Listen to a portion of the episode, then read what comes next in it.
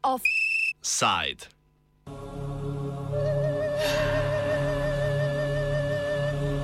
Bosna in volilna trgovina.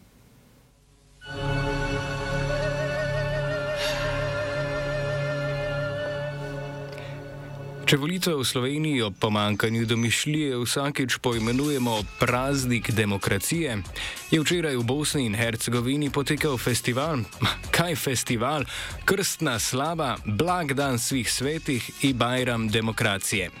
Bosanci in Hercegovci, to so Bošnjaki, Hrvati, Srbi in vsi ostali državljani, so na šestih volitvah med 7000 kandidati izbirali 518 političnih predstavnikov parlamente in skupščine na treh ravneh, ki bodo sestavili 14 vlad, skupno 136 ministerstvi. Potem pa razumi politiko Bosne in Hercegovine. Po prvih delnih rezultatih so seveda vsi kandidati odpirali šampance in nazdravljali na zmago. Posebne čestitke građanima Bosne i Hercegovine, građankama i građanima Bosne i Hercegovine i zahvalnost svima njima, ne samo onima koji su dali svoj glas DF-u ili meni, nego svim građankama i građanima Bosne i Hercegovine. Čini mi se nakon što sumiram ove rezultate izbora da se može govoriti o jednoj ne radikalno, ali sigurno promjeni na političkoj sceni u Bosni i Hercegovini. Bosna i Hercegovina je Europa u malom. Ovo je šansa i za Europu da stabiliziramo ovaj dio Europe. Ovo je šansa i za Bosnu i Hercegovinu da pokrenemo pozitivne procese. A Europsku uniju večeras pozivam da što prije Bosni i Hercegovini dodijeli kandidatski status jer mjesto ljudi u ovoj zemlji i jeste u Europskoj uniji i u NATO-u. Ono što je mogu obećati je da ću kao i do sada raditi u njihovom interesu, interesu Republike Srpske i da neću izdati te interese i na taj način će sav moj budući rad biti koncipiran, a konačno tako sam se ponašao na prethodnim pozicijama.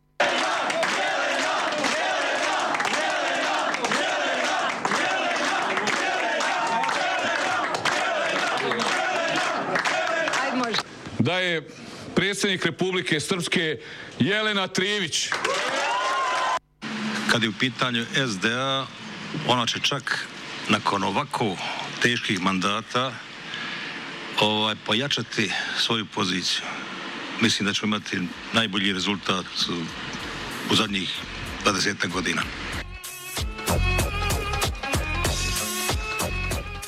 Ker je političnih funkcij v Bosni in Hercegovini broj, se bomo osredotočili le na najvišje. Po prešteti večini glasov se kaže, da bodo predsedstvo Bosne in Hercegovine, tričlanskega telesa, ki je ekvivalent predsednika republike, sestavljali Željko Komšič iz vrst hrvaškega naroda, Denis Bečirovič iz vrst bošnjaškega in Željka Cvjanovič iz vrst srpskega.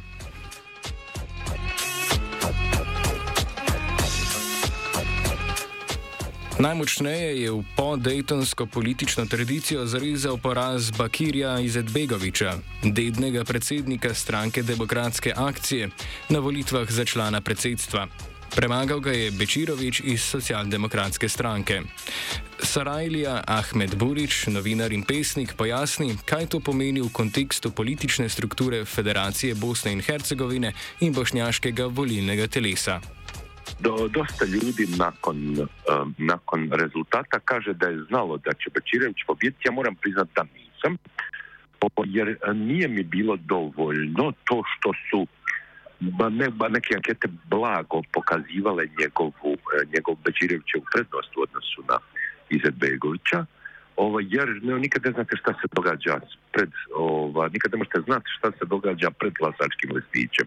Ali ova, taj u posljednje vrijeme je očigledno prevagnula ta misao kod ljudi da ova, kod, kod birača da je, jer je Bečirović ipak okupio koaliciju koje su bili za njega u neku vrstu koalicije ova, i um, čini se da je prevladala ta misao da ta ba, naracija Bakirova, martirizam, ono što se događalo događalo ovaj, u posljednjih mjesec dana. Ljudi očigledno nisu htjeli prihvatiti da je dovoljno da se insistira isključivo na narativu ratnih zločina, toga da su bošnjaci najveće žrtve toga, da isključivo na tome, jer oni zapravo SDA zapravo nije imala program. Kljub porazu Izetbegoviča za mesto v predsedstvu države je njegova stranka prijela največ glasov na volitvah v parlament Federacije Bosne in Hercegovine. Što je paradoks, Bakri je imao Izetbegović jako mali broj glasova u odnosu na to što je SDA ipak za sad prema pokazateljima dobila najviše. Tako da imate jedan... Međutim, ja mislim da će se njihovo ospanje nastaviti jer je on glava te hobotnice on, njegov simbolički poraz je jako bitan za što bi se reklo za naše demokratske proteste, za bosanske demokratske proteste. Tako da je to iznenađenje, moram reći, s moje strane gledišta, čini mi se izbirača vrlo pozitivno. I ova, ukoliko se taj trend nastavi, moglo bi se dogoditi da se SDA, iako sa velikim brojem glasova, ipak počne raspadati uh, što, što, se, što ja vjerujem da se dogoditi u narednih šest mjeseci do godinu dana. Izetbegoviča je premagal Denis Bečirovič, član socialdemokratske stranke Bosne in Hercegovine, ki se je z nekaj manjšimi državljanskimi strankami povezala v koalicijo Združeni za svobodno Bosno in Hercegovino. Borič pojasni razloge za Bečirovičovo zmago. Denis Bečirovič je um, posljedica činjenice, da na našoj ljevici si Zlatko Lagundži ostavio pustoš. Eh, on, je, on nije nacionalist i nije kriminalac. To je za početak, eh, to je za početak sasvim dovoljno. On istina jeste jedan onako, eh, kad ga gledate s ove, s ove naše vizure, ovaj, a naša vizura je građanska, ajmo tako reći, ovaj, on jeste jedan aparatčik koji, ovaj, koji, koji ne, ne pokazuje velike znake života kad je politički ovaj, aparat u pitanju. On nema nekih velikih izjava, nema nekih velikih poteza. Nije mogao jer je njemu Lagumđija i nakon toga Nermin Nikšić, oni su njemu ostavili jedan zrakoprazni prostor u kojem ljevica SDP je zapravo kuća s brojem stanova u kojoj nema ljudi. Nobeno presenečenje pa ni bila ponovna izvolitev Željka Komšiča za hrvaškega predstavnika v predsedstvu. Že drugič je zmagal na krilih bošnjaških glasov, saj zaradi luknje v volilnem zakonu, ki razburja predvsem hrvaško HDZ BIH, prebivalci federacije, ne glede na njihovo etnično pripadnost, lahko glasujejo za bošnjaškega ali hrvaškega kandidata. Ne bi ni Čović da izašao. A Čović je vjerojatno poslao u Borjanu Prišto, bivšu sekretaricu firme Livno Bus, ovaj, da, ovaj, da, da izgubi od Komšića. Jer ovaj, u osnovi Hrvati nisu uspjeli isproducirati nikakvu drugu opoziciju, oni su stvorili isključivo HDZ. Pa su onda stvorili još HDZ 1990. Što bi se reklo, u, u Hrvatskoj je jedan HDZ previše, a u Bosni su dva premalo. Tako da se kad, kad, dođe, kad dođete na tu računicu, vjerojatno je da je Komšić pobijedio glasovima Bošnjaka, ali to je tipični refleks na ono što su Hrvati, što je Hrvatska demokratska zajednica za sebe tražila. Čovjek je za sebe tražio ekskluzivno pravo da mu se omogući da mu visoki predstavnik potpiše da ne promjene kao legitimno predstavljanje Hrvata, to bi se oni morali prvo dogovoriti sa sobom i sa Hrvatskom. Hrvatska je dala evropske dokumente hrvatski pasoš bosansko-hercegovačkim Hrvatima koji i oni žele da imaju dvije domovine, a bošnjacima ne ostave ni jednu. Nije ni to moguće. Glede na izbiro hrvaškega predstavnika je pomembna še sprememba volilnega zakona, ki jo je visoki predstavnik Združenih narodov za Bosno in Hercegovino Kristjan Schmidt razglasil takoj po zaprtju volišč. Amandmaji, ki jih je samovoljno sprejel, so namenjeni preprečevanju blokad delovanja političnih teles, česar se izmenično poslužujejo predstavniki vseh treh konstitutivnih narodov. S tem ni upošteval predsednika HDZ Bosne in Hercegovine Dragana Čoviča ki je od Šmita terjal zapolnitev luknje v zakonu, ki bošnjakom omogoča izbiro hrvaškega predstavnika v predsedstvu. Ako je to ozbiljan manevar, onda je to ne znam, ovo, ne znam šta da kažem.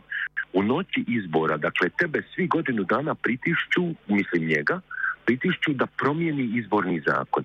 I on bježi od toga mijenja i onda u noći izbora proglašava izmjene izbornog zakona. To je prilično to se može suspektno, jel? to se može gledati sa različitih strana. Ako je potrefio taj tajming i ako je napravio da, da nije htio dirati izbore, rezultate, a onda reći da se federacija, da se vlada u federaciji mora formirati nakon pet godina, da se, ova, da se mogu birati ostali, da može ovo, da može ono, onda je, onda je stvar onda je stvar ona takva. Ja mislim da je to, da on sada u ovom trenutku da odbije dva napada. Jedan je jedan je da, da su ga mediji u zadnjih godinu dana uživali da ide na ruku HDZ-u. On je možda jedan taj front da kaže ova, evo, ne idem na ruku HDZ-u, nisam donio izborne promjene, ali moram napraviti određene ustupke u smislu formiranja vlasti, Srpska članica predsedstva Bosne in Hercegovine je postala Željka Cvijanović, dosedanja predsednica Republike Srpske, ki bo tako zamenjala svojega strankarskega šefa, če želite, šefa Republike Srpske Milorada Dodika. Po noči polni preobratov kaže, da bo tudi Dodik zamenjal svojo strankarsko podanico Cvijanović na mestu predsednika Republike Srpske. Klasična rošada. Zveza neodvisnih socialnih demokratov, ki jo vodi Dodik, je tako uspela ohraniti obe najvišji oblasti v svojih rokah. Še včeraj je, zvečer je kazalo, da bo predsednica Republike Srpske postala Jelena Trivič iz stranke Demokratskega napredka, ki je predlani že šokirala javnost Bosne in Hercegovine, ko je njen predsednik Draško Stanivukovič postal župan Banja Luke. Stranki sta si sicer ideološko zelo sorodni, a Burič opozarja na pomembnost obstoja vsaj deklarativne opozicije v Republiki Srpski. PDP možda nije, možda nije alternativa, ali je sebi priskrbio roditeljsku pažnju Beograda. Ono što će se događati između Srba i Sarajeva, očigledno će Beograd i morati uredovati na tome. Vučić ne ponosi Dodika i Vučić je ipak svoj naklonost e, dao PDP i to bi mogao biti jedan od razloga što što se što je Jelena Trivić i što je PDP tako dobro prošao na izborima, bez obzira što je prije šest mjeseci Dodik pračno delegitimizirao delegitimizirao tamošnju opoziciju. U Republici Srpskoj vi trebate nekog partnera koji je spreman da pruži ruku i da sluša, a ne da, ne da, ne da, ne da, ne da se drži u ovome drži u ovome kotlu u kojem su svi Čović, Dodik i Zadegov zapravo pothranjivali svo, svoje krakove kriminalnih hobotnica. Nočni obrat, ki je postavil Milorada Dodika v volilno prednost, je seveda sprožil pomisleke glede morebitnih volilnih prevar.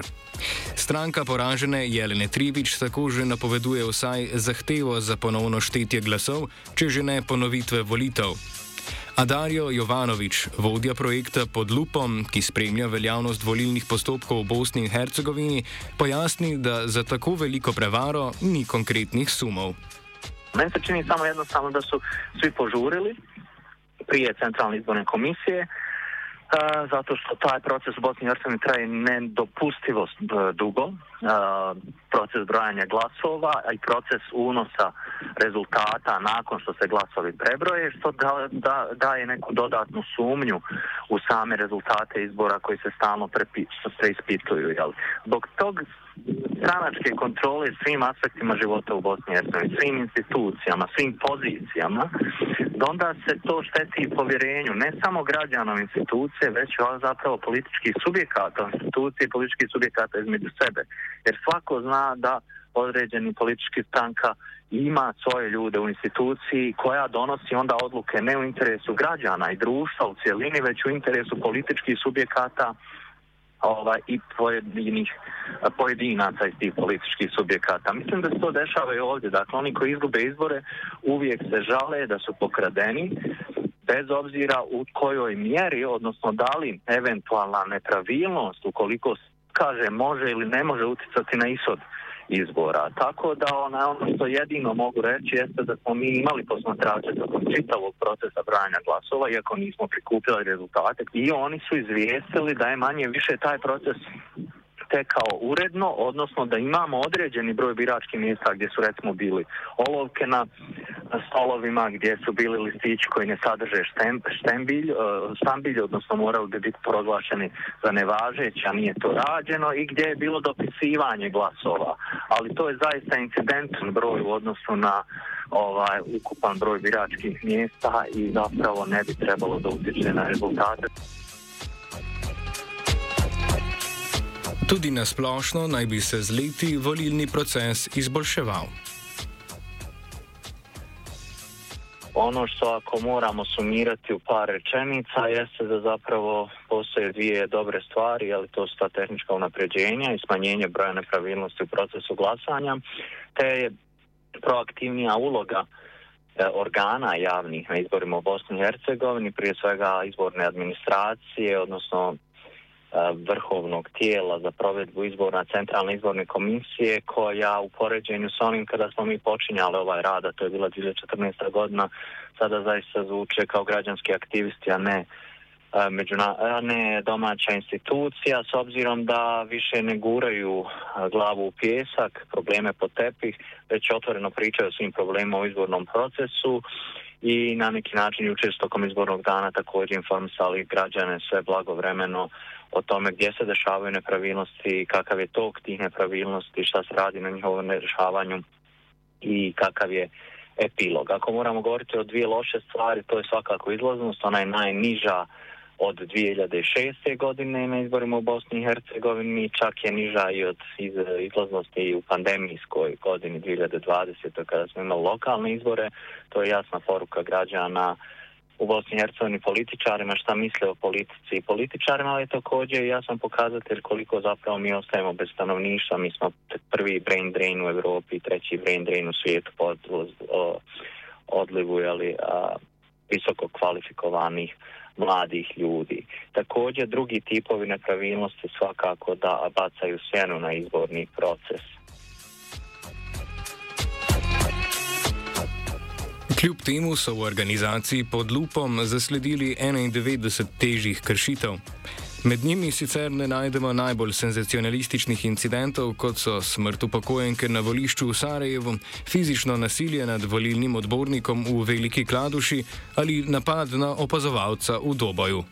Ako govorimo o konkretnim slučajevima, mi smo za ove izbore imali zabilježeno 91 teže kršenje izbornih pravila. Imali smo kombinaciju više od dvije različite izborne nepravilnosti što može upućivati jeli, na manipulaciju izbornom procesom ili nedovoljno edukaciju članova biračkih odbora, imali smo to na oko 4% biračkih mjesta, ali ako poredimo to sa periodima, odnosno izbornim ciklusima u prethodnim godinama, možemo reći da dio ovih izbornih nepravilnosti zapravo stagnira, jel, odnosno ponavlja se u jednakom broju, a dio je smanjen, tako da u stvari nemamo nazadovanje u nekim dosegnutim demokratskim standardima ili provođenju izbora u Bosni i Hercegovini, naprotiv imamo nizu napređenja ili od strane visokog predstavnika u Bosni i Hercegovini ili centralne izborne komisije koje su poboljšale izborni proces.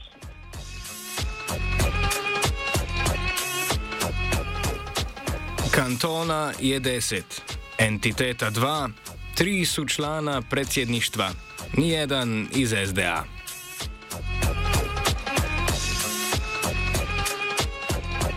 Po voliščih širom Bosne in Hercegovine je kolovratil Virant.